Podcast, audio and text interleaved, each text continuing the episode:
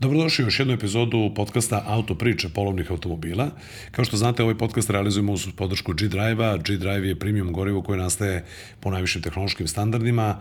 E, tu je da poveća snagu vašeg automobila, poboljša njegove performanse i zaštiti njegove sisteme za gorivo. E, gošće u ovoj epizodi je Stanislava Staša Timotijević, automehaničarka. Stašo, dobrodošla. Bolje vas našla i hvala na pozivu. E, imamo sad već za nekoliko epizoda pravilo da se gost malo sam predstavi, pa na pitanje ko je Staša Timotijević, šta bi ti prvo rekla? baš sam razmišljala o tom pitanju ovaj, kad ste mi poslali u najavi u prilikom dogovora za snimanje i to mi je jedno od najtežih pitanja jer ovaj, ja sam se bavila svim i svačim. Pre svega završila sam FON, znači organizacijne nauke su nešto što, što sam učila kroz formalno obrazovanje i nešto što definitivno volim da organizujem, da planiram i tako dalje. Međutim, nakon toga sam radila u administraciji, različite neke ovaj, poslove koji su donekle povezani sa strukom, donekle i ne. Konkretno učila sam za kvalitet, e, studirala sam e, smer upravljanja kvalitetom, tako da sam se i tim neko vreme bavila, međutim malo sam se razočarala u tu oblast u, u našoj zemlji, uopšte kako to sve ovde funkcioniše po sistemu ključu ruke, jel? Tako da sam čak i neki sajt pravila koji je, evo i dan danas živi, vrlo sam ponosna na to, Ovaj, nakon toga sam se bavila čak i malo prevođenjem, ali eto, sve vreme negde u pozadini su ti automobili kao neka velika strast, a izgleda nikad moje glavno ovaj, zanimanje i odatle i uopšte moja ideja i, i naziv mog kanala i, i mog, nazovimo, brenda, kad porastem bit ću mehaničar.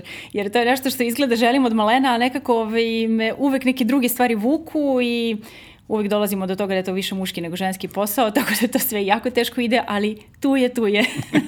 Sad kad sam, kako, kako krenuo ovaj uvod, radila sam više stvari nekako kao sebe da slušam kad bejah mlađi, jer sam zaista promenio dosta nekih poslova i zanimanja ovaj, i kolektiva pre nego što sam se pronašao u medijima pre nekih 15-16 godina, pa mi je onako baš, baš simpatično. A, koji sajt vezano za kvalitet, jel možemo da čujemo domenu, to je dalje aktivno? Naravno da je dalje aktivno, to je kvalitet.org.rs. Ja sam to nazvala portal kvalitet, moja ideja tada je bila da, da praktično uh, sve informacije u vezi sa kvalitetom prikupim na jednom mestu, da to bude neki nezavisni sajt za informisanje o kvalitetu, jer to nije postojalo kod nas.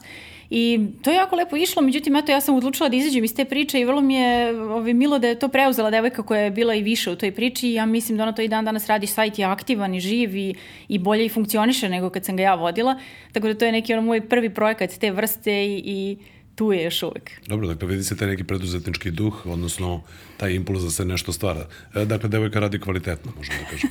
Hvala. ok, dobro. E sad da pričamo o toj ljubavi vezano za, za automobile. E, I kao što si sama pomenula, ovaj, e, da, nekako se tu uvek vezuje više za muškarce, uvek postoje predrasude, i nekako se smatra da su i muškarci više zainteresovani, ne samo pričamo o tome da budu mehaničari, da su nekako njima važniji automobili i tako dalje, pa imamo onda čitav niz predrasuda vezano za žene vozače i način uopšte obhođenja prema automobilu i da li je važno samo koje boje ili kakav je zapravo automobil. Kako si se ti zapravo zaljubila u automobile i zbog čega i koji je prvi automobil recimo koji pamtiš? Pamtim svoj prvi auto i tekako. Ovaj, htela bih prvo da, da ne zaboravim, prosto da, da dam komentar na to, da li je to baš predrasuda da su žene lošiji vozači i ja bih možda ovako kao žensko rekla da to nije predrasuda nego realnost. I žao mi je što je tako. Ja kažem, sigurno sam da su žene i tekako sposobne da voze, ali ubeđena sam da se one jednostavno ne udubljaju. Znači, žene jednostavno ne vole da voze i smatraju da je to nešto bez veze, ne interesuje ih kola, ali ne razumiju koliko je to zanimljivo. U stvari, koncentrišu se na važnije tananije stvari. Tako je kao što je boja automobila, jel?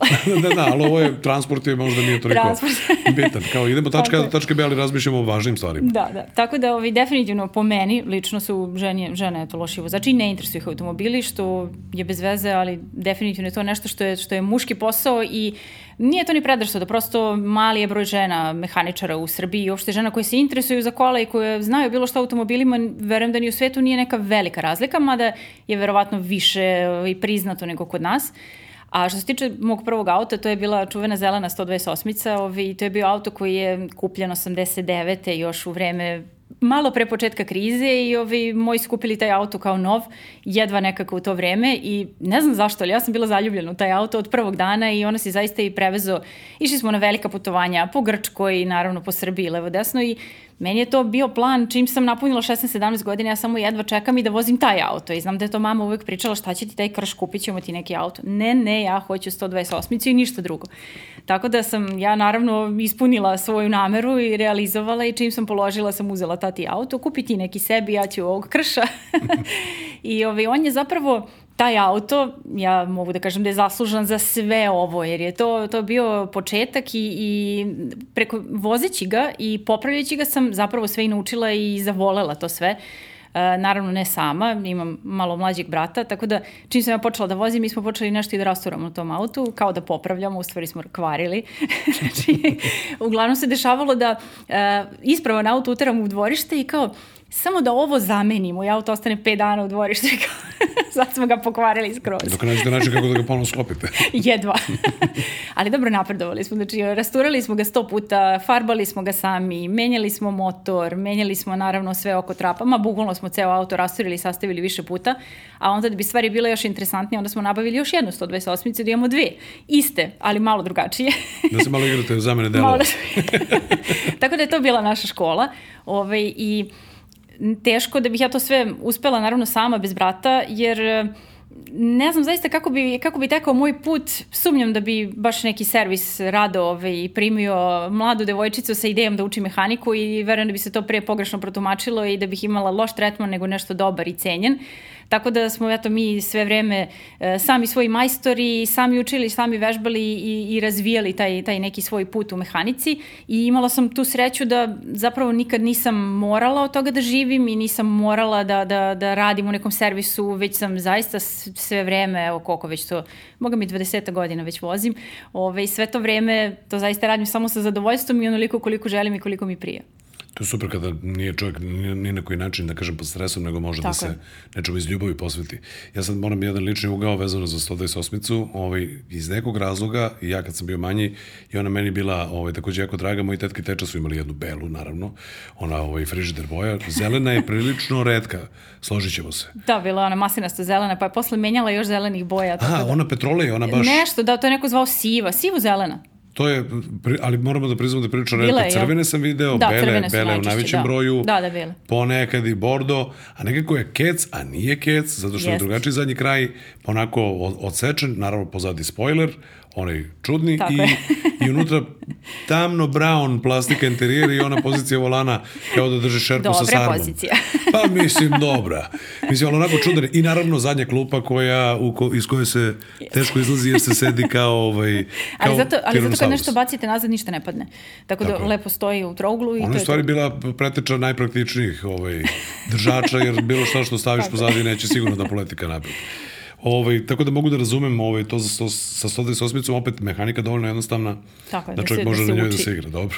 Jeste, i naravno počeli smo u dvorištu i sa malom količinom alata, mislim, to je sad sa ove tačke gledišta, mi smo radili sve na čuburi kod baki i deke u malom dvorištu gde jedva stane jedan, dva auta ako se baš potrudimo, imali smo jedno koferče alata koje nam je bilo u nekoj šupici i onda svako i svaki dan, to je stajde, to su uglavnom bili vikendi, onda ujutru dođemo, pa dok mi ubacimo kola, dok uteramo, namestimo levo desno, pa iznesi alat, pa radi, pa onda već kad krene mrak, više nemamo baš tako mogućnosti, ok, neko svetlo, ali nije to to, nije garaža, onda ajde pakuj se. E, onda još veći izazov bilo kad smo mi ovi, smislili da farbamo ta kola, takođe na polju.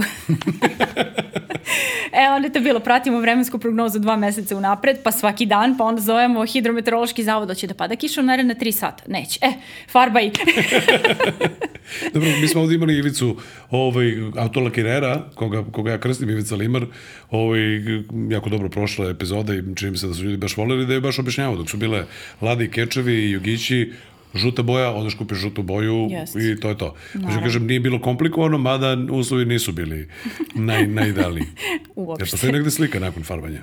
Fotografija? Naravno, naravno. O, pa Bio je to solidan na... kvalitet. Pa da ne, hoću samo da kažem, ovaj, mi ne možemo to da prikažemo u podcastu, jer ne bih da pocenjujem ljude koji samo slušaju, ovaj, ali treba to pogledati ovaj, i ceniti. Mi smo bili zadovoljni. Šalim se, šalim na stranu, to je bilo za, za amaterske radove i ovaj, za našu pripremu u dvorištu i samoukost ja mislim da je to bilo dosta dobro gledajući posle radove nekih nazovi ozbiljnih limara i ljudi koji to zaista rade za novac. Ja kažem neke stvari ja zaista ne bih platila, ajde mi ovako pa na malo procuri, pa je malo krivo, pa kažem nema veze više nas mrzelo. Mi smo tu imali ovaj fazon, e ne možemo više, ali proglašavamo, proglašavamo. Dobro, Dobro dakle, je. druga deca Bojanku, a vi 128-icu, dobro. Da, bukvalno, tako da. Nismo imali vremena ni za šta ovaj, loše u životu, jer smo se bavili kolima po ceo dan i celu noć i svaki vikend i... Da, prava ljubav, dakle. Da. A, sad, kad pomen, ti si pomenuo to koferče sa alatom, kada si ti prvi put došla u dodir sa alatom, ako ja imam dobre informacije, i tvoj otac je nešto sam svoj majstor. Jest, jeste, tačna informacija. On se nije nešto pretredno bavio kolima, ume i radio i oko tih osmica, ali nije ga to nešto mnogo interesovalo. On više voli građevinu i tako više volao da radi po kući, po stanu. Ove, ali prosto od kad znam za sebe, naš porodični stav je mi ćemo to sami. I onda kad mene neko pita, imaš nekog majstora za Kako mogu pitam tato ako ima vremena. mislim, ne znam. Nikad nam nije ušao majstor u kuću prosto.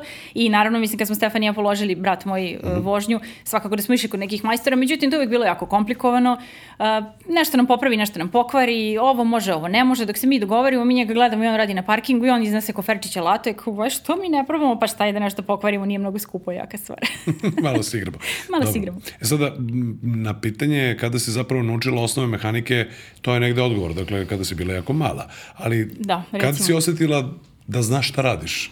Da, to je To, dobro je- to je pitanje. kako bi rekli na engleskom trial and error. Jel? Tako je. Ovaj, probaj, pogreši pa, pa, pa ćeš naučiti. Ali kada si osetila kao čekaj, pa ovo u stvari, ja u stvari znam šta se sad dešava. Da, pa, pa verujem da je to bio neki moment kad smo prešli sa 128 na neka ozbiljnija kola. Naravno da smo prvo, prvo smo ulivali poverenje familiji i bližim drugarima i onda smo krenuli, ne više popravljamo samo zastave, nego ne znam, to su bile neke alfe od drugara, šta se već tad vozilo u to vreme, neki golfovi, pa smo onda mi kupili u porodici neke kije, pa kao ajde da probamo, kad su izašli iz garancije, onda ajde malo da probamo i mi to da popravljamo.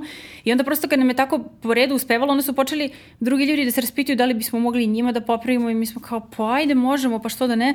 Ove, a onda u nekom trenutku smo, kupili smo kuću malo van grada i tu je bilo mogućnosti da se napravi jedna garažica tako da smo se uslovi mnogo poboljšali i onda smo i mogli zapravo nekome nešto i da učinimo i eventualno i naplatimo i, i ovaj, da, da uradimo za druge.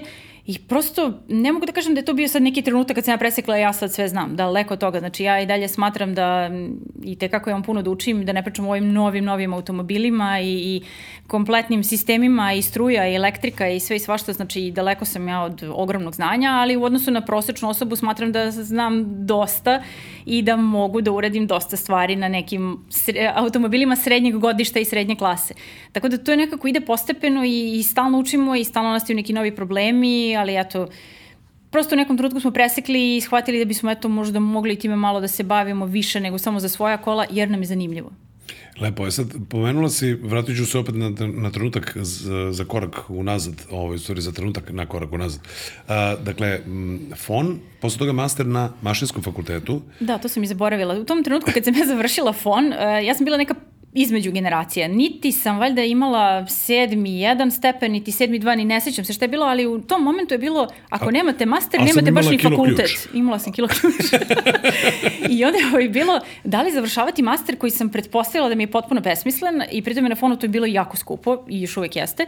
I onda mi se ukazala neka prilika, to je bio inženjerski fakultet u Kragujevcu. Prosto preko, valjda preko tog sajta, da, preko, zapravo preko tog sajta o kvalitetu sam ja upoznala ljude koji su se bavili kvalitetom tamo i čula da bi tamo mogla taj master da završim i to je zaista bilo bukvalno dopuna te diplome, jer mislim, sledeća valjda generacija je morala da završi master da bi imala visoko obrazovanje. To su, kažem, u mojoj generaciji su nešto izbrljali sa tim visokim obrazovanjem i onda sam ja kao, ajde, kad sam već toliki fakultet završila, da ne ostanem nešto između, eto, ne znam, kao za svaki slučaj, prosto u tom momentu nisam baš planirala da ću se baviti isključivo mehanikom, a i mama mi ne bi dala sigurno. ok, sad osim tog sajta o kvalitetu, a, šta ima, jer imamo tu još neki među korak pre baš, baš samo bavljanja mehanikom. E, čime si se još bavila nakon, nakon tog mastera? Pa, nakon tog mastera, osim što sam radila eto, u tadašnjoj firmi, to su bili neki administrativni jednostavni poslovi i sada sam zaposlena, uh, da kažem, to mi je ono prvi dnevni posao, tako da radim u nekoj firmi koja je donekle povezana i ovaj, vrlo je, da kažem, ajde da ne širim sad priču na to, ali je relativno povezan posao sa, sa automobilima i vrlo je zanimljiv, i izazovan i kompleksan i onda mi prosto ta, taj umni deo ovaj, odradim preko dana, a onda ovo popodne u garaži je relaksacija za um, a prosto je veliko jedno zadovoljstvo, ali opet na neki način ozbiljan posao. Ja sam teo da bubnem u sred, kada kaže povezano sa automobilom, malo kompletno da kažeš parking servis. Ne. Je to bilo. ne nikako. Šalim se. Šalim se malo. O, dobro, ali je li tajna ili prosto ne bi da reklamiraš? Bo ne, ne bih ja to da, da ulazim, da kažem u tu priču i da A, reklamiram. dobro. Hvala. Pitao sam. dobro. E sad, ovaj, pomenula si da ste u tom nekom trenutku osetili više ovaj, samopouzdanja i onda ste počeli to da, da radite ovaj, za druge. E sad, kako dolazi do te odluke da to postane maltene životni poziv, odnosno da se tu ozbiljnije ulaže, ko, ko pogleda tvoj Instagram znaće da tu sad je, bili su, bili su neki građevinski radovi, malo ozbiljnija garaža, tu Da. se još nešto dešava. Pričat ćemo malo i o tome da si nekako malo pauzirala Da. i YouTube kanal, a opet na Instagramu si aktivna i naravno desili su te se i određene životne promene, Da, da, što je normalno. svašta nešto. sve, sve, sve, ovaj, sve logično, ali ovaj, kako dolazi do toga da se ozbiljnije zagrize u tako nešto? Pa, pre svega sam e, ja lično odlučila da, da je više dosta u toj prethodnoj firmi gde sam radila, jer to je stvarno jedno ogromno prezasićenje bilo i otvorile su neke mogućnosti da, da tamo pod nekim dobrim uslovima odem i da, da imam neki period kada bih mogla da, da eto, opušteno se bavim mehanikom, da ne razmišljam o finansijama. Ovaj, I e, umeđu vremenu je u tu priču ušao moj tadašnji dečko, sada muž, jel? Ovaj, jer mi se zapravo svi jako lepo družimo, cijela ta ekipa, mi smo preko zastava upoznali mnogo dobrih ljudi i muža sam tako upoznala i uopšte i brat i ja smo bili na, i u tim društvima i na skupovima i eto, ta, to je nekako usmerilo sve to. I kada se ovaj, i, i moj sadašnji muž uključio u to, koji inače malo je radio u nekom servisu, mada i on se bavi nekim drugim servisiranjem medicinskih uređaja, ali opet je u toj priči sa ovaj, manualnim radovima, Ovaj, ja sam ih onda jedan dan skupila i rekao, hoćete vi mi malo ovo zbiljnije da radimo, mislim, ovako bez veze, čisto malo se organizujemo, da napravimo neku, neku priču, neki brend, da malo ja to promovišem. Prosto, čitava moja ideja iza tog i Instagrama i YouTube kanala je bila samo da malo nekako pokažemo da mi to umemo. Nikakav tu poseban profit, niti, niti neki, neka konkretna korist, nego eto, neka promocija u pozitivnom smislu, da, da ljudi vide šta mi radimo, da možda vide svoj auto, kako je bio kod nas, šta smo njemu radili, da to bude malo transparentnije i da to više ne bude ona, ona klasična majstorska priča ko zna šta je majstor uradio, ko zna šta mi je naplatio, nekako da se vidi da mi to radimo bez ideje da eto, se obogatimo ili da nekoga oderemo ili da, da, da ne znam nija šta zaradimo, nego eto želimo da ljudi budu zadovoljni, da, da im kola budu ispravna i čini mi se da to ljudi prepoznaju i da su prilično istrpljivi, a mi smo imali da kažem i malo duže rokove uvek zbog svih drugih stvari kojima smo se bavili, sad imamo eto tu jednu veliku pauzu. Tako da eto, to je možda bila neka prekretnica kad nas je bilo troje i onda, a ja sam pritom imala da kažem ceo dan za to, za sve poslove prateće, papirologija, nabavka delova, vraćanje delova, organizacija, komunikacija sa ljudima, dovoženje automobila, odvoženje automobila. Mislim, ima tu i dosta nekih malo pozadinskih poslova koji nisu toliko zabavni kao mehanika, ali ne može sve biti savršeno. Ove, tako da, to je bio neki moment kad se stvari malo uzbiljile. Ali, ove, eto, vrlo brzo nakon što smo mi objavili, uslovno rečeno, u, u našem krugu da, da, time, da se time bavimo i da možete dovesti vaš auto kod nas, odjednom su se stvari zakomplikovale, što ja kažem. odjednom su svi počeli da zovu i mi smo bili fazonu, mi ne možemo ovo da stignemo. Ajde polako, ljudi, mislim, gde žurite? mi se samo igramo. Ali ko, a ček, čekaj, kako igrate sa mi, a meni treba veliki servis. A da. ljudi su u fazonu, ma ne, ne, nema veze, mi ćemo sačekamo, nije problem. I onda kao, pa dobro, vozi negde drugde, konkretno je to veliki, veliki servis kad si pomenuo, ma nema veze, idi neko ti neko drugi gde ćeš nas da čekaš. Ne, ne, ne, čekamo, čekamo, mi vas nije problem. Dobro. dobro, ajde. A, Tako da. Čak je, čak je ovi, nažalost, eh, našeg drugara nema više, ali Mirko je Rašić je pomenuo da je upravo ideja sa kamerama u servisu sjajna stvar ovaj, gde se tako do, dolazi do, do te transparentnosti i to, Jest. do tog odvajanja od ko za šta je majstor uradio i to je sjajan motiv, zašto ima ljudi dosta koji su sumnjičavi i očekuju da da, budu na neki način prevareni, pogotovo ako se ne razumeju. A i to se dešava, to se objektivno dešava, Dešava i, se. i naročito što kažeš ljudi koji se ne razumeju, ljudi svašta mogu da im ispričaju, mislim, ja kažem, mi nekad toliko ljudima objašnjavamo i toliko im i sačuvamo im delove i na neki način kao da im se pravdamo, ali zapravo ja bih samo volila da im objasnim šta smo uradili upravo da bi ja to i oni znali, međutim, većina ljudi u fazonu, ma mi vama verujemo, nemoj da me smaraš. Jel radi, radi, dobro, hvala ti, doviđenja, prijedno. Da, a opet s druge strane ima tih, odišu mi cega laufnac, insilatoru, gebugna Tako je. i tako dalje, Stvarno, mislim, haskalice. malverzacije mogu da se urede kakve, mislim, gomila malver- malverzacija, ali meni je to lično nepojemljivo. Ja, ja kad slušam tako neki slučaj, ja kažem, kako neko može da, ne znam, ga mrzi da zameni filter ulja? Pa mislim, napravit će cirkus čoveku, a taj filter ulja košta 1000 dinara u najgorem slučaju i napravit će ogromnu Finansijska štetu. dobit od takve prevare je jako mala. Tako je.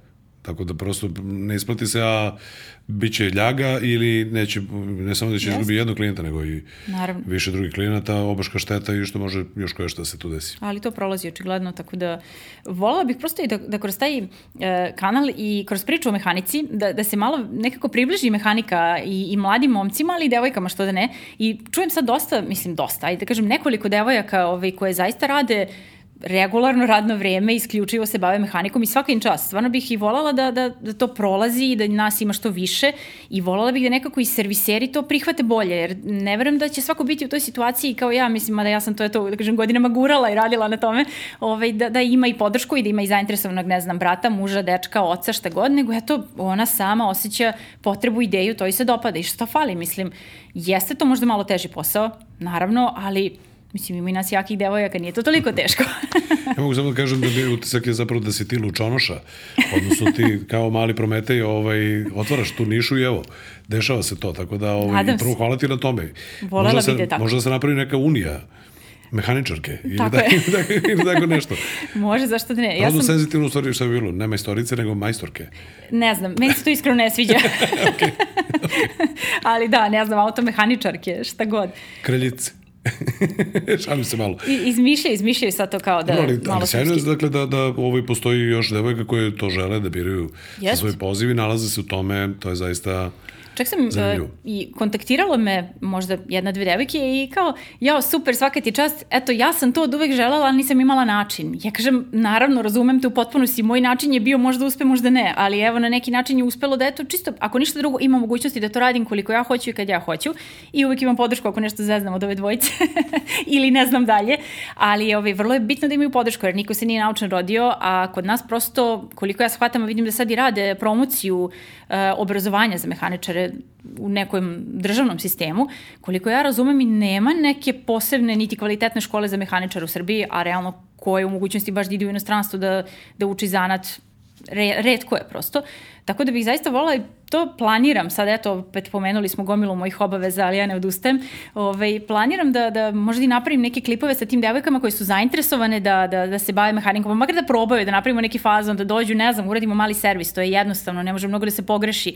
Eto, družimo se, možda se njima ostvari neka želja iz detinjstva, šta god, i eto, da, da možda odluče nekad time da se bave, pa makar i kao dodatni posao. Ja tu mirišem budući viral. 100%. Boga mi misle da će to biti gledano.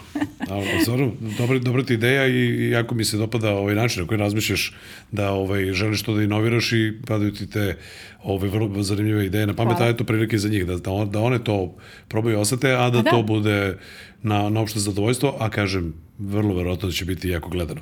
I sad, pomenula si malo čas to, kako bih rekao, usložnjavanje celog procesa, nabavke delova, papirologije i tako dalje, Ja sam morao da te pitam, termin će biti ovaj, možda malo rogobatan, ali ti se malo možda to ogadilo u tom trenutku, jer kao ja sam htela se bavim ovime, ovo me veseli, ovo mi je hobi, ovo mi je ljubav i sve kao, ko će sad sve, sve ovime da se bavi, svime ovime, jel ti to malo zasmetalo? Pa nije, nije, to je sad ona moja druga strana organizacije, što ja, ja i to volim i tu nalazim neko zadovoljstvo i, i, ne, i nekako mogu biti kreativna i na tu stranu, tako da nije strašno, trudim se da se što bolje organizujem i da, da prosto, bilo je najteže na početku, što ja kažem, svaki projekat je najteže postaviti. Posle kad stvari krenu svojim putem, onda sam spremna za sledeći projekat da ga postavljamo na noge. Tako da, bilo mi je pre svega zanimljivo, ja zaista volim da stalno nešto učim i nije mi to daleko da mi je, od toga da mi je teško, nego mi je baš zadovoljstvo. I to se seća, moj brat je u to vreme radio u, u ovoj firmi koji se bavi prodajom delova. Ja sam bila fascinirana kako on ono ume da koristi, kako zna ko su proizvođači svih tih delova. I ja sam samo njega zapitkivala, sto puta dnevno ga zvala, kako ovo da nađem, a kako ono da nađem. Ja sam onako spontano preuzela tu nabavku delova da bih naučila. I sad, normalno, i tu se stvari usložnjavaju i danas imam po neki problemčić pa ekspert pomogne, ali ovaj, zaista mi je bio izazov i sad je to mnogo jednostavnije nego nekada. Napravila sam neki, da kažem, naš svoj sistem vođenja svih tih evidencija da to bude što jednostavnije, a što, što efikasnije i opet i da, da naši klijenti koji nas veruju dobiju neki zanimljiv proizvod, napravili smo naše servisne knjižice, neke naše izveštaje, da ne bude to samo na papiru napisano je, brate, uradio sam ti, evo ti mali servis sam ti uradio, nego da se zna koji je filter ugrađen, tačno kada, koja kilometraža je bila, kada treba sledeći mali servis uraditi. E, pokušala sam da to bude neki drugi pristup, da to, ne znam, možda i da kažem liči na neke ovlašćene servise, na neku ozbiljnu organizaciju, mada nisam baš ni bila vođena njihovim sistemom rada, nego je to nešto što je meni bilo logično, ja sam tako to ovaj, kreirala i potrudila se da ne bude previše komplikovano, tako da nije strašno, mislim, eto, sedam, pijem kafu i bavim se papirima, malo se prošetam, pokupim delove ili evo sad dosta i ima firmi koje mnogo lepo sarađuju pa nam donesu te delove, tako da nije, nije to strašno, zapravo može to vrlo jednostavno da se onako usputno završi, ali Najlepši deo kad ode u garažu, to je nekako opuštići i smirujuće. ok, e sad, ovaj, to je sa druge strane, i to si sama malo čas spomenula, na jedan način uh, fizički zahtevniji posao. Jeste. E sad, ulaziti, što se kaže, u kanal, mada se ne ulazi više u kanal toliko koliko se diže na dizelicu, ok, u manjim garažama i tamo gde, gde ima kanal i ulazi se u kanal, ali koliko je to zapravo teško i sad ovde nije to samo da ha, muški ili ženski posao, ali treba prvo pronalaziti motivaciju, očigledno motivacija jaka postoji jer to je velika ljubav, ali ovaj, nekad to zna da bude i baš fizički zahtevno. Da li si se tu suočila sa nekim problemima, pomenuh malo pre kilo ključ. Kako to izgleda iz tog ugla, ali kažem, bežimo od toga da ne radimo stereotipizaciju i da bude, eto kao žensko sad treba da digne točak. Objektivno, dizalicu. mislim, ženske osobe su slabije od muških i to je to, tako nam je građa, tako nam je fiziologija, to, to nema zbora. E sad, ja sam i tu malo, da kažem, na čudnu stranu, ovaj, ja sam nekako uvek volala i da idem na treninge, teretanu i to smo se uvijek šalili, ono kad me pita trener šta ti je cilj. Ja rekao, cilj mi je da ja kad zategnem točak na auto, moj brat ne može da ga dotegne. On me, on me gleda ovako, on, on se to posle šalio godinama, jesi ti ozbiljna? Rekao, ja sam mrtvo ozbiljna, rekao, ako ti ne delujem ozbiljno. Tako da, ovaj, ja se trudim da budem fizički spremna, koliko je to moguće i definitivno jeste naporno. Znači i naporno je i povredi se čovek i nokti stradaju. Tako da češće mora se radi manikir, ja se trudim. Ove, ovaj, definitivno nije ništa tu elegantno niti pretarano damski ali eto opet pobedi ljubav i ne znam, mene to, mene to jako zabavlja i ti problemi su mi izazov, nisu mi problem, ali s druge strane me najviše mrzi da radim na svom autu, to je valjda tako uvek... Kako kaže na narodnom, obućara loše cipele. Jeste, skoro sam zubara loše zubi. skoro ovaj sam konačno morala da uradim nešto sa svojim autom jer je prolupao ležaj na, na, na točku i ovaj, ja sela u garažu, podigla auto, sedi tu muž, čuva bebu, jel? Rekao, jao, ko će sada ovo da radi? Ajde bre, radi tu, jel voliš ovo da radiš? Ako volim, ali ne volim svoja kola, radi ću ti. rekao, ajde, dobro. Da, Mora i ovo.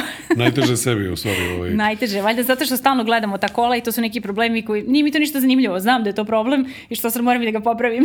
da kao, ono, poziš i kao, čujem te. To, to je to, da, da, te. ok, tu si. I onda eto, da ne sačekam možda me pretekne točak.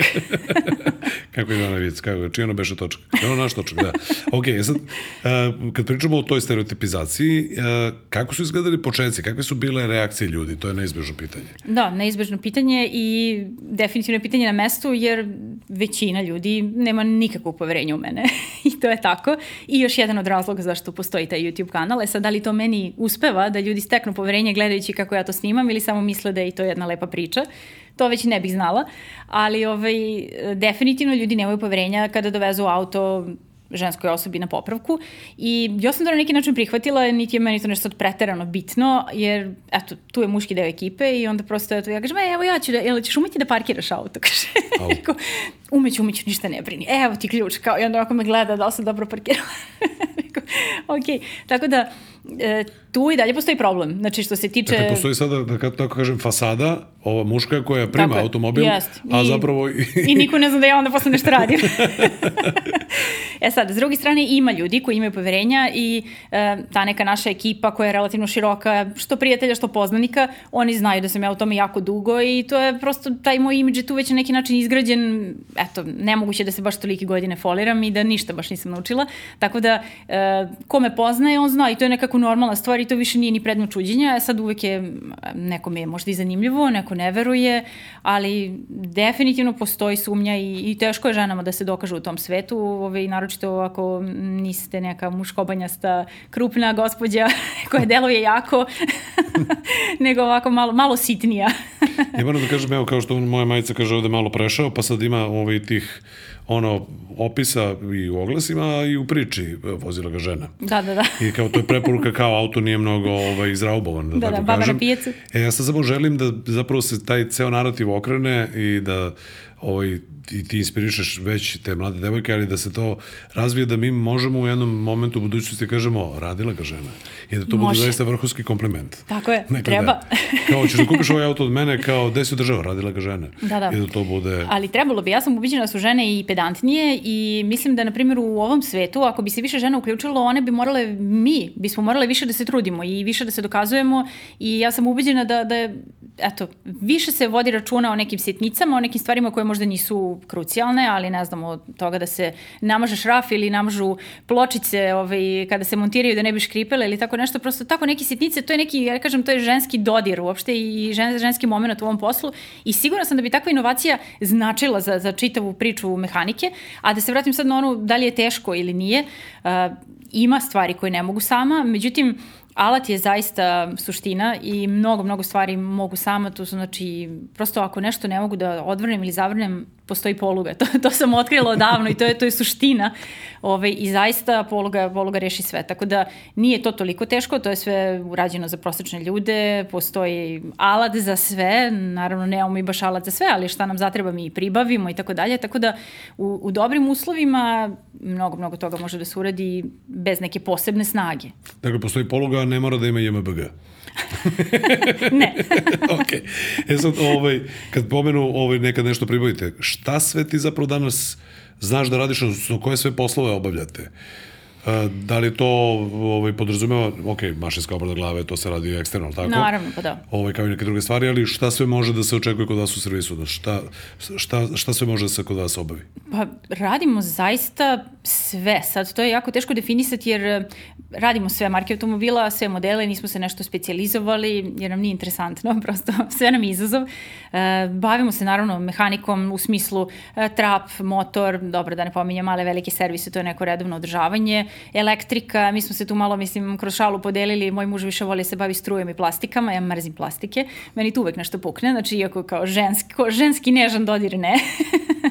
Tako da ovaj, radimo zaista, zaista sve, neke stvari koje je lakše prosto da outsourcujemo, naravno ne, ne možemo mi da uradimo obradu glave, to su ozbiljne mašine, ozbiljni, ozbiljni procesi, ali da, radili smo i generalne na motorima i, i prestali smo, ne prestali, nego prosto ne radimo uslužno farbanje jer nije to neki kvalitet, mislim objektivno, nama je to sasvim u redu, to zahteva posebne uslove, posebnu pripremu i to su, to je zapravo potpuno neki drugi, drugi zanat, jako komplikovan i jako pipav, Ove, ovaj, tako da se time ne bavimo, ali što se tiče eto, svih mogućih popravki, zaista radimo sve i svašta. Dobro, sad, da li negde u tim radovima možemo da razdvojimo u čemu najviše uživaš, a šta najviše mrziš da radiš? Ok, osim ovog Plastike. sa plastičicom. Ali kad pričamo o nekim popravkama. Pa što se tiče popravki, ja najviše volim da se bavim trapom. To zvuči možda onako suludo i smešno jer je to najteže na neki način, ali je zapravo to neki sistem koji je meni najinteresantniji i najbolje ga razumem i eto, to najviše volim. I, i toliko nekako se, tu se lako utvrdi kvar, vrlo je konkretno, sigurno je to kvar i onda kad se, kad se sredi zaista auto procveta. Znači, rezultati su odmah, ovaj, vidljivi. odmah vidljivi. Dobro, mislim, ajde mali, mali servis i to, to je nešto što je ono, ja kažem, to se malo zagrejem, pa onda da radimo nešto ozbiljno. to mi je zagrevanje. Ovaj, tako da to je nešto što mene zabavlja. E, ja sam malo slabija sa elektrikom, elektronikom, jer ja nemam neku, neko obrazovanje formalno u toj oblasti, a i brat i muž su završili elektrotehničke škole, tako da oni to bolje znaju. Ja to sve gledam, učim, pokušavam da shvatim, virim tamo kad oni rade i tako sam i mnogo naučila, ali kad je nešto tako komplikovanije, onda oni. Ove, ali zanimljivo nam je, da kažem, postavljanje dijagnoza, identifikacija kvarova, plastike najviše mrzim, ostajem pri tome. ovo, sa, ovo sa mi je zanimljivo zato što je, i tu ima dosta pokretnih delova, ali nekako, Jest. kako bih rekao, sve je nekako manje više izloženo. Jeste i prljavo. I prljavo, ali izloženo, odnosno vidi se, znaš, kad pričamo o motoru, oko koji isto za tebe nema tajni, ali ima dosta nekih pokretnih delova iskrivenih. Jeste, jeste. Ovde se vidi mehanički da. je najčešće ovaj, ovaj ne najčešće mehanički jest, problem, jeste. odnosno mehaničko je podešavanje. I osjeća se problem. A onda se vidi kada je, ovaj, da. kada je auto, kad mu sreće trap, kao, gle, ovo je drugi automobil. E, baš to, da. Taj, taj efekt mi se mnogo dopada. Tako da to me u principu najviše zabavlja, ali šta god, eto, radimo šta god nam padne pod ruke. Da li možeš da, da pošto kaže da, ja ću sad da iskoristim malo pežorativan termin, ali ne ovaj, posprdno i ne pogrdno, uh, dakle, svaštarski ovaj, servis koji Jeste. radi sve, Da li su ti neki modeli draži od drugih? Da li imaš neke omiljene automobile i zbog čega? Tipa neko voli Francuze, neko voli Nemce, neko voli Toyota, u stvari ovi što vole Toyota redko viđaju, neko često, češće viđa Alfu, da ja sad malo kao... pa, pa ne baš, mi se tu više šalimo, ovaj, brat i ja smo uvek vozili i volimo benzince, muž moj voli dizelaše i onda se mi tu uvek šalimo, ja kažem štrokavi dizelaše, što će verovatno ovaj, mnogi da ovaj, prevrnu očima. Pa dobro, ali neki prosto... hoće, ali polako umire dizel jeste, u, da, da, da. ponudi, tako da... Jednom sam se ispolivala uljem kad smo radili mali servis ovaj, na nekom dizelašu, ja, to je sve probilo kroz trenerku, pantalone, ja nisam mogla se operem jedno dve nedelje koliko sam se ispolivala i od tada ih mrzim još više, ali ovaj, ja to, na primjer, moj muž obožava vagine, a brat i ja ga na tu temu zezamo, tako da u principu nemamo neke omljene, ali svako ima neka svoja mnogo dobra rešenja i mnogo loša neka svoja rešenja, tako da Zato je možda i zanimljivo raditi sve i svašta, baš tako da se svaštari, jer svašta se nauči, a principi su isti, mislim, to je to. Sve su ostalo nijanse. Upravo tako. pa dobro, ali kad kažemo voli vagena, ovaj, šta hoću da kažem, uh, imamo, jeli, sad kako kažemo u komentarima, ajde, napišite nam da li biste pre vozili Volkswagen ili Toyota, da. eto ga mali rat. I to Možemo je Alfu, za... to će biti još gore. da, da, pa da. Zato ja, ja volim za, Alfe. Zato je često, jel? Pa da. zato jer niko nije savaš. Zato ja često to radim, zato što alfisti znaju da to vatreno brane. Da, da, da. Kao, voliš Alfe? Pa da, sad je sve logično, zato je postala mehaničar. alfisti, su, alfisti su jedna ovaj, specifična ekipa ljudi. Ja sam ovaj, htela, još uvek razmišljamo o kupovini Alfa 159 konkretno i koga god sam ja nešto pitala ko ima neke veze sa Alfom, to je, to je takvo oduševljenje ovaj, kada treba da se razgovara o kolima da su mene prevaziše jedno sto puta. I ja kažem, ne mogu više da pričam s ovim alfistima. Ovo je neka posebna sorta. Dobro, sad 17. ovaj neprimereni fazon, ali čisto zbog algoritma. Dakle, Alfa 159, da, pa voli da se bavi mehanikom, da. treba nešto da stalno može da čačka. Kao i set alata. To je stereotip. Pa da, ali ja sam to rekao čak u nekim od klipova, ovaj, ne znam da li se, da li se to gledala, ali uh, kod nas znamo da često do ovaj, uzmemo automobile na kraju životnog veka. Tako je. Iako je neko to Alfi uzeo, uzeo već dušu, to onda, ako si ti taj vlasnik koji je došao na, ovaj, na red da je popravlja, nema više od te ljubavi ništa, nego ide to kumstvo. Baš tako. Sa majstorom. Zato mi slabo ide sa, sa kupovinom auta, jer definitivno ne može da se nađe ništa u nekom pristojnom stanju da, da nije već na kraju svog životnog veka. Dobro, sve zavisi i od budžeta i od toga gde se gleda. To je bilo moje sledeće pitanje. Koliko si automobila do sada posledovala i da li ti neki posebno prirastao srcu? Jako malo. Što se toga tiče, ovaj, sam veliki smarač. tu 128 sam vozila jako dugo, dok, je, dok nije ovaj, učestvovalo u nekom sudaru i već je zaista bila užasno Otrgala matora. se kontroli i otišla da. Da, pobegla. Rekla, meni je svega dosta i učestvovala. ja idem. okay. ovaj, tako da imala sam sudar, udarili su me od pozadi i nabacili me na auto napred i jadna osmica je već bila onako na ivici da se raspadne i to je bio kraj. Tako da nakon toga sam uh, kupila Kiju šumu koju dan danas vozim, evo i nju već vozim skoro ja 10 godina. Vidio, ja sam nju vidio na, na Instagramu na jednoj fotografiji, bio sam u fazonu, je li ovo auto na servisu? Nisam mogu da... Šta je ovo? I, ne, vrlo redak automobil, čudno izgleda. Yes. Moram da priznam, ovaj, opet zbog algoritma, da sam ja u jednom trenutku pre mnogo godina bio u fazonu, ja bih ovo posjedovao interesantan je auto. Je to, da. da čudan veliki, je... Veliki korejski sedan. Jest. Kao jest. i Sonata, recimo. I to znam da bude zanimljivo. Juče sam nešto razmišljao o, o pokojnim Hyundai Sonatama. Mi smo nekako slučajno svoje vremeno kupili Kia Sorenta. Mama i tata kupili, mama je uvijek žela da ima džipa i konačno je kupila džipa i ovaj, stvarno ovaj taj auto i dan danas nas služi mi tako slabo menjamo kola naravno, porodično. Naravno 2.5 dizel. Da, naravno, da, to, klasika, to. ali to je stvarno neverovatno izdržljiv jedan auto koji ne zahteva nikakvo održavanje, pouzdan, a isto mogu da kažem i za moj auto. Mislim, ona jadna šta preživljava sve sa mnom, odlične. I, ovi, i onda sam kad, je, kad sam morala da promenim auto, jel, imala sam određeni budžet i rekao, ja bih samo neki neobičan auto, da ne bude svaki drugi. To sam nekako uvek želela, samo da ne bude baš, ne znam, auto koji se viđe na svakom ćošku. I a, zaista... a šuma od napred dupli farovi, od pozadi liče na 300C? E, da, napred nema, One. ova moja nema, ova stara nije, ima duple aha, farove, ova dobro. je kao novija. Jel? A, se, okay. ova je poslednja generacija Kia Šuma iz 2002. godine. o, pa molim lepo.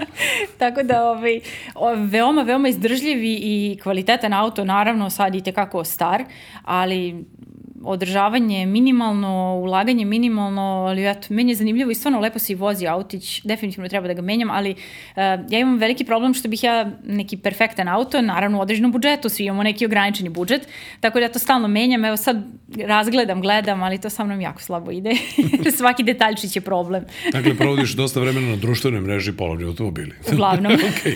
E sad, ovaj, kako ti se čini danas, današnji automobili? Generalno u smislu kvaliteta, dugotrajnosti. Inače, teo sam samo još nešto, to možemo da se vratimo. Primećujem jedan, jednu, jednu vrstu obrazca sedan od početka pa sedan i sada. Da. Dakle, stoda sa ospica pa, to pa, pa šuma. Dakle, da. karavan za tebe nikada Sad nije opcija. Sad razmišljamo karavanu, ali nikako nisu opcije oni skraćeni, što ja kažem bez dupeta, to nije opcija, ali da, možda karavan sada, sad bi mi to možda bilo malo... Ovaj, zgodnije zbog dečih kolica. Zgodnije, tako zbog... je da kažem, hoću da uteram kolica da ih ne sklapam, da se više ne mučim. to je, ja sam svoje vremeno Ford Mondeo karavan koji sam vozio, prodao dalje ovaj, po kumovskoj liniji i upravo je bio to uslov, odnosno to je bio razlog gledaj ovo, ne moraš da sklopiš. Da, da, da, tako da izvuči mi sad zanimljivo kao eto malo da, da nabuđim karavana. Vidim da to ljudi rade i izgleda jako lepo, tako da što da ne, vidit ćemo. Vidit ćemo šta je sledeći. Dobro, je sad se vraćamo na ovo. Dakle, kako ti danas generalno ovaj, deluju automobili u smislu dugotrajnosti i generalno kvaliteta, pošto, ok, 2002. Kia Šuma i to je određena, a da kažem, automobilska era, pa i podvrsta korejskih, ovaj, yes. korejskih izdržljivih automobila, tih sa određenom debljinom lima i tako dalje i ne toliko komplikovanom složit ćemo se elektronikom. Naravno. A, kako to danas, gde to danas ide i šta ti misliš? Pričat ćemo i o downsizingu i o tro, trocilindrašima i o motorima od litar sa mnogo konja.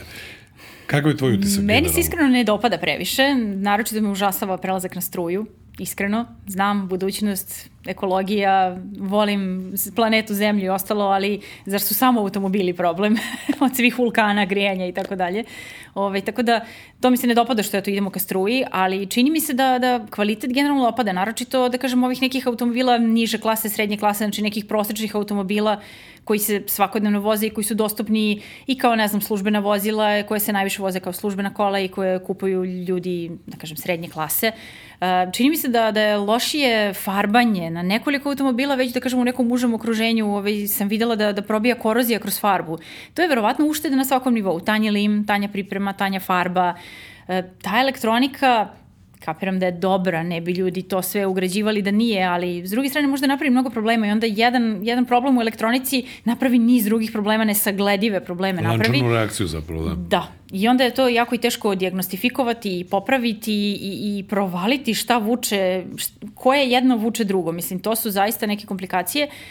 E sad, verujem da su luksuznija kola na nekom potpuno novom nivou, mada čujem da i oni imaju dosta problema i čak da ima problema, ne znam, i sa upravljanjem automatskim menjačima i generalno ta elektronika ume da pravi probleme i onda auto postaje zaista neupotrebljiv, znači onda ostaje samo šlep služba i ovlašćeni servis i to je, to je problem za novija neka kola je problem i pristupiti tim softverima i prosto štite se ne daju ili su to preskupe diagnostike i preskupi alati.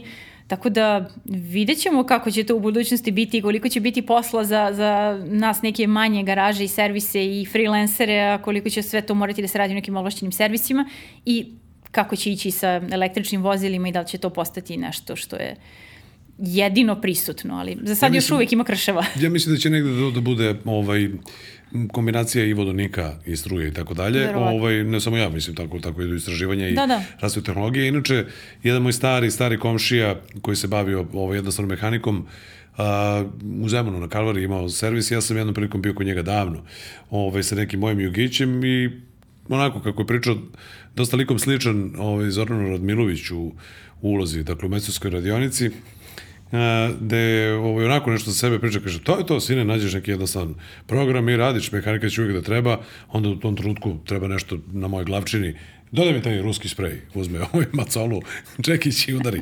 Ja verujem da će i dalje biti tih automobila, ali šta hoću da kažem, generalno, i to komentarišem i u, i u klipovima i sa drugim gostima, prosto se autoindustrija, odnosno taj naš e, potrošački navike i generalno u ovom potrošačkom društvu se promenio taj ciklus kako mi treba i šta mi treba da radimo s tim autom, odnosno šta su očekivanja korisnika. Govorimo o razvijenom zapadnom svetu sa mnogo višim prosekom primanja i, da. i drugačijim navikama, da to je, to je nešto što ću ja da vozim 3-4 godine i da idemo da. sledeće. Idemo u reciklažu, a jednog dana ćemo ih i samo najmiti. Verovatno, Verovatno. nećemo više, koncept vlasništva više neće biti poznat u, ovoj, u ovom, u ovom, na ovaj način kao što je to danas. Može to 20 godina od nas, 30, vidjet ćemo, ali nekako, mislim da svi nekako idemo ka tome. Tako da se zato nekako čini mi se štedi na tome i negde sam navodio taj primer, a ti možeš to da potvrdiš, kada se pojavio Golf četvorka, pa onako, wow, izgledao posle trojke čudno, moderno i tako dalje, a, nije godinu ili dve dana, već sam ovo negde rekao, ako ne i u ovom ovoj podcastu, već ako godinu dve dana mogla si da ga sreteš na ulici u saobraćaju sa, ne radi mu zadnja leva štopaljka, ne radi mu prednji desni far prosto neće više nikad niko napraviti Golfa dvojku jer se ne isplati. Da, da. Nešto što se ne kvari ne donosi novac. To jeste, to jeste, ali opet ipak mislim da bi to trebalo biti malo kvalitetnije, jer ne može baš životni vijek automobila da bude 3-4 godine, to je malo suludo, mislim, vidjet ćemo i mi smo sigurno daleko od toga, jer kod nas stižu automobili iz inostranstva, iz Evrope i uvoze se koji su mnogo, mnogo stariji od toga i to je prosto možda, to već u Evropi funkcioniše i oni zaista promene kola za nekoliko godina, ali mi smo decenijama daleko, do, do, do penzije ćemo imati šta da popravljamo. Dobro, dakle, nema brige za ovaj, za manje servise. Dobro, i sad nekako ovaj, promenila ti se, da kažem, životna perspektiva i, i, i status, zato što si ti uh, dobila jednu novu ulogu, postala si mama. Da. I vidi se pominjena Kia Sorento, je li to ta slika na, na Instagramu? Jeste. To je vaša Kia. Jeste. Čini mi se da je opis, da je caption, ovaj, ja sam danas trebala da se porodim, ali šta, mali servis. I ti si ispod, ja, ja, da, ispod to, kije. to već ovaj, pred kraj trudnoće sam htjela da izludimo dosade. Jer ovaj, mi smo već jedno dve godine u tim građevinskim radovima, napravili smo tu, to smo malo prepomenuli pa nisam se nadovezala, od one male garaže, sad imamo dva radna mesta i veću garažu, imamo novu kuću, pravimo još jednu kuću, pravimo jedan kompleks tamo ovaj, na Zvezdari. E, međutim, mi smo to sve kao i sa kolima sami svoji majstori, što je zaista ultra zanimljivo i izazovno, ali suludo veliki posao. Ovaj, tako da to jako dugo traje. I umeđu vremenu sam ja ostala i trudna. I naravno da ja nisam odustajala od svih tih radova, niti od treninga do, do pred sam kraj. I onda već kad mi je malo postalo teško, onda su odlučili da mi zabrane da se bavim mešanjem betona i ostalim stvarima, što sam ja negodovala. I ovaj, onda dok su oni radili nešto na gradilištu, rekao, e, ovo me treba da se uredi mali servis. A dovoljno je visoko, mogu da se podvučem. I tamo malo razbavljati. Tako malo da, ovaj, da, da, da, da promenim ono, Dobro, kako ti sad izgleda ovaj radni dan? Pomenula si pre, pre nekoliko minuta ti radiš servis, a suprug čuva dete. Da, da, da. To Kako pa... sad izgleda to žongliranje sa ovom novom ulogom? E, trenutno je žongliranje nemoguće ovaj, u smislu što ti građevinski radovi još uvek nisu završeni, još uvek imamo tu neke poslove, kao što sam pomenula dnevni poslovi, prepodne su tu neki poslovi, bebu čuva moja tetka, e, zatim popodne neizmenično čuvamo bebu, neizmenično se bavimo garažom, kućom ili zajedno bebom. Tako da zaista izazovno, ali sreća pa dođu vikendi i onda tu imamo malo više vremena jer smo tu svi i možemo mnogo lepše da se organizujemo. E, beba je srećom vrlo saradljiva i još kao mala je žela da sedi u garaži. Ja sam uverena da ona to obožava. Šalim se. Devojčica u pitanju, da. Devojčica, da, da, da. Nema ni mnogo izbora. Šalim se. Mislim, sad je već evo, godinu i nešto dana i već sad ima svoje prohteve i ideje, tako da shvatili smo da i mehanika nije toliko zanimljiva jer ona ne vidi dobro u haubi. Mnogo više voli građevinske radove. A dobro, ja sam tamo da kažem, evo za tri meseca dajte joj ovaj ovaj, dajte je komplet Gedora da se igra dete. Moj muž je već kupio jednu malenu Gedoru i za malo nije razbila glavu s tim. Rekao, dobro, malo sačekaj samo. samo malo sačekaj pa ćemo onda. Mislim, prava je, metalna je, kao ne treba to da je igračku nego. umesto, umesto zvečke, jel? da vrti. ima dobro, ovaj, ima sličan zvuk. Da, tako da definitivno sad je jedan izazovan period. Dobro, to ovaj, ide lagano, ja sam se dosta rano ostvario kao majka ovaj, i to se čini mi se meni široko javno zna, ovaj, ali prođi to prođe to, ali dobro. Dakle, o, Staša Timotivić, žena sa osam ruku.